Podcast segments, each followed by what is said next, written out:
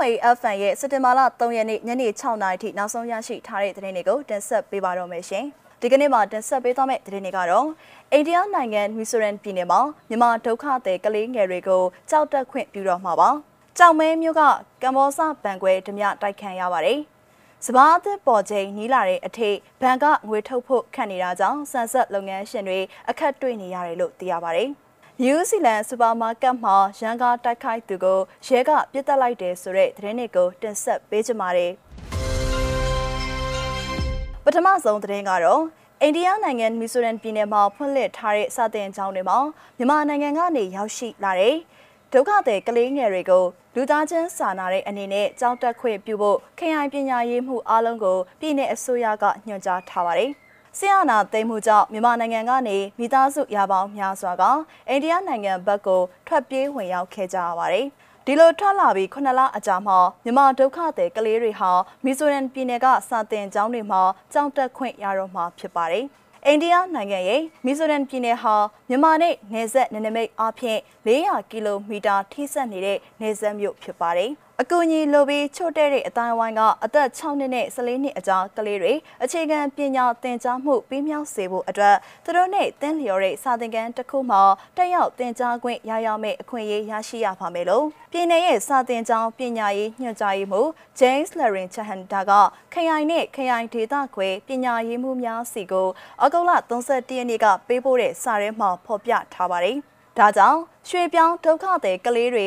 ခမားတို့စီရင်ပိုင်ခွင့်အောက်မှာစာသင်ကျောင်းတွေတက်ခွင့်ရဖို့အတွက်လိုအပ်တာတွေလုပ်ဖို့ကျွန်တော်ပန်ကြားထားပါတယ်။ဒါမှလည်းသူတို့သူတို့ရဲ့ကျောင်းပညာရေးကိုဆက်လုပ်နိုင်ပါလိမ့်မယ်လို့ပြောပါတယ်။အဲ့ဒီညွှန်ကြားချက်ကမြန်မာဒုက္ခသည်ကလေးတွေကိုအထူးဖော်ပြထားတာတော့မရှိပါဘူး။ ဒါပေမဲ့လည်းဇိုရန်ပြည်နယ်ရဲ့စာတင်ကျောင်းပညာရေးဝန်ကြီးကတော့ဆီယာနာသိမ်းမှုနောက်ပိုင်းမီဇိုရန်ပြည်နယ်ထဲဝင်လာတဲ့မြန်မာနိုင်ငံသားကလေးတွေကိုအဓိကရည်ညွှန်းတယ်လို့အိန္ဒိယအခြေစိုက် HD သတင်းဌာနကိုဖော်ပြခဲ့ပါတယ်။ အသက်6နှစ်နဲ့14နှစ်အကြားအသက်ပိုင်းခြားထဲမှာရှိနေတဲ့မြန်မာဒုက္ခသည်ကလေးငယ်400နီးပါးရှိနေပါတယ်။အများစုကတော့ချန်ဖိုင်နဲ့အိုင်ဇောခရိုင်တွေမှာရှိနေကြသူတွေပါ။သူတို့တွေကိုစတင်ဘာကစလို့အစိုးရစာတင်ကျောင်းတွေမှာတက်ခွင့်ပြုပါလိမ့်မယ်လို့ဝန်ကြီးလက်ချန်ဟန်တာမာကပြောပါတယ် မြန်မာနိုင်ငံမှာအာဏာသိမ်းတဲ့ဖေဖော်ဝါရီလနောက်ပိုင်းမှာနိုင်ငံရေးသမားတွေပါလီမန်အမတ်တွေအစိုးရအရာရှိတွေရဲတွေနဲ့သူတို့ရဲ့မိသားစုဝင်တွေအပါအဝင်မြန်မာနိုင်ငံသားထောင်ပေါင်းများစွာတို့ဟာနေဆက်ဖြတ်ပြီးမီဇိုရမ်ပြည်နယ်ထဲဝင်ရောက်လာခဲ့ကြတာဖြစ်ပါတယ်ရှင်။နောက်ထပ်သတင်းတစ်ပုဒ်အနေနဲ့ရှမ်းပြည်နယ်မြောက်ပိုင်းကြောင်မဲမြို့နယ်ကြောင်မဲစေနာကကမ္ဘောဇဘန်ဒီနေ့နေ့လယ်2နာရီကျော်ကဓမြတိုက်ခတ်ခဲ့ရပါတယ်။ ကြောင်မဲမြို့ကန်အာနာသိန်းစစ်ကောင်စီနဲ့နှိစက်သူတအုပ်ကဗန်ဓမြတိုက်ခတ်ရတာမှန်ကန်ကြောင်းအတည်ပြုထားပါတယ်။နေ့လယ်2နာရီကျော်လောက်ကဖြစ်သွားတာအိမ်စီးကအဖြူရောင်နဲ့တယောက်ကကားရဲစောင့်နေပြီးနောက်တစ်ယောက်ကတနက်အတူတဲ့ဓာတ်နဲ့ဓမြဝင်တိုက်တယ်လို့သိရတယ်ဆိုပြီးအဆိုပါသတင်းအရင်းမြစ်ကပြောပါတယ်။အခင်းဖြစ်ပွားပြီးနောက်မှာတော့ကမ္ဘောဇဘန်မှာစစ်ကောင်စီတပ်ဖွဲ့ဝင်တွေနဲ့ရဲတွေရောက်လာတယ်လို့သိရပါတယ်။ဓမြတိုက်ခံရတဲ့ပမာဏကိုတော့မြစီမာကအခုထိမသိရသေးပါဘူးရှင်။ ဆက်လက်ပြီးတော့စဘာအသစ်ပေါ်ချိန်နီးလာတဲ့အထိဘဏ်တွေမှာအနံငွေတွေကိုထုတ်ယူနိုင်ဖို့အကန့်အသတ်နဲ့ရှိနေသေးတာကြောင့်စံဆက်လုပ်ငန်းရှင်တွေဟာစဘာအသစ်ဝယ်ယူဖို့အခက်တွေ့နေကြပါတယ်။ဒီအခြေအနေဟာတောင်သူတွေအပေါ်လဲအကျိုးသက်ရောက်မှုရှိမှာဖြစ်တယ်လို့စံဆက်လုပ်ငန်းရှင်တွေကပြောပါတယ်အခုချိန်ဘဏ်တွေကငွေကိုလိုတလောက်ထုံမပေးဘူးတောင်သူကစပားလာရောက်ရင်ကျွန်တော်တို့ဘလို့ဝယ်မလဲတောင်သူကိုကေပေးနဲ့ရှင်းပေးလို့မရဘူးငွေသားနဲ့ပေးရမှာ အခုအပြင်မှာကငွေသားရှာနေတယ်ကျွန်တော်တို့အချင်းချင်းတော့တစ်ဖက်ကကုံတဲ့ကိုငွေပေးဖို့ဆိုအဲ့ဒီနေကရစရာရှိတဲ့သူနဲ့ခြေနှိပ်ပြီးပေးနေကြရတယ်ငွေလဲဆိုရင်လက်မခံတာများတယ်တောင်သူကြအဲ့ဒီလိုလုပ်လို့မရဘူး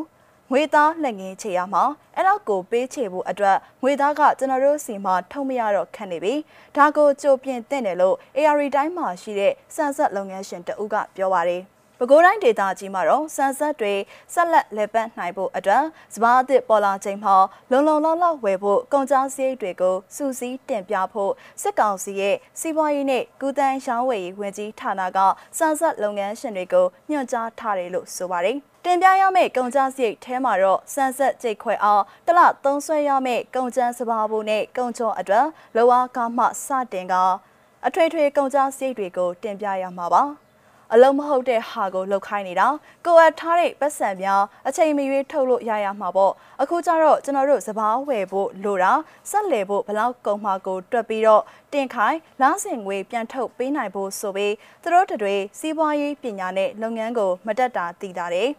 စပားပေါ်ပြီးဆိုတာနဲ့အပြင်ကိုငွေသားကနေတိုင်းသိန်းရနဲ့ချီထွက်နေတာ အယောင်းမှလည်းဒီလိုပဲအခုစစ်ကောင်စီလုံနေပုံနဲ့စပားပေါ်ချိန်မှအကုန်ပြဿနာတက်မယ်လုပ်ငန်းတွေကမောက်ကမတွေဖြစ်ကုန်မယ်လေသမားတွေကလည်းဒီနှစ်မှအတော်ဒုက္ခရောက်မှသူတို့မှဆေးတွေကိုဈေးကြီးပေးသုံးနေရတယ်ဈေးကြီးမပေးနိုင်သူတွေကမသုံးပဲလုပ်တော့စပားရည်သွေးနဲ့ထွက်နှုံးလဲဒီမှာလုံးဝကျဆင်းသွားနိုင်တယ်လို့ပဲခူးတိုင်းဒေသကြီးစံလုပ်ငန်းရှင်တအူးကပြောပါတယ် စစ်ကောင်စီကအာဏာသိမ်းယူပြီးနောက်မှာဗလုံငန်းလေပန်းမှုတွေဟာရပ်တန့်နေရပြီးငွေထုတ်ယူခွင့်တွေကိုကန့်သတ်လိုက်မှုရဲ့အကျိုးဆက်အဖြစ်လုပ်ငန်းအများစုဟာရပ်တန့်သွားခဲ့ပြီးပြင်ပမှာရန်ကုန်နှုန်းယူပြီးငွေထုတ်ပေးနေတဲ့ဈေးကွက်တစ်ခုပါဖြစ်ပေါ်နေခဲ့ပါတယ်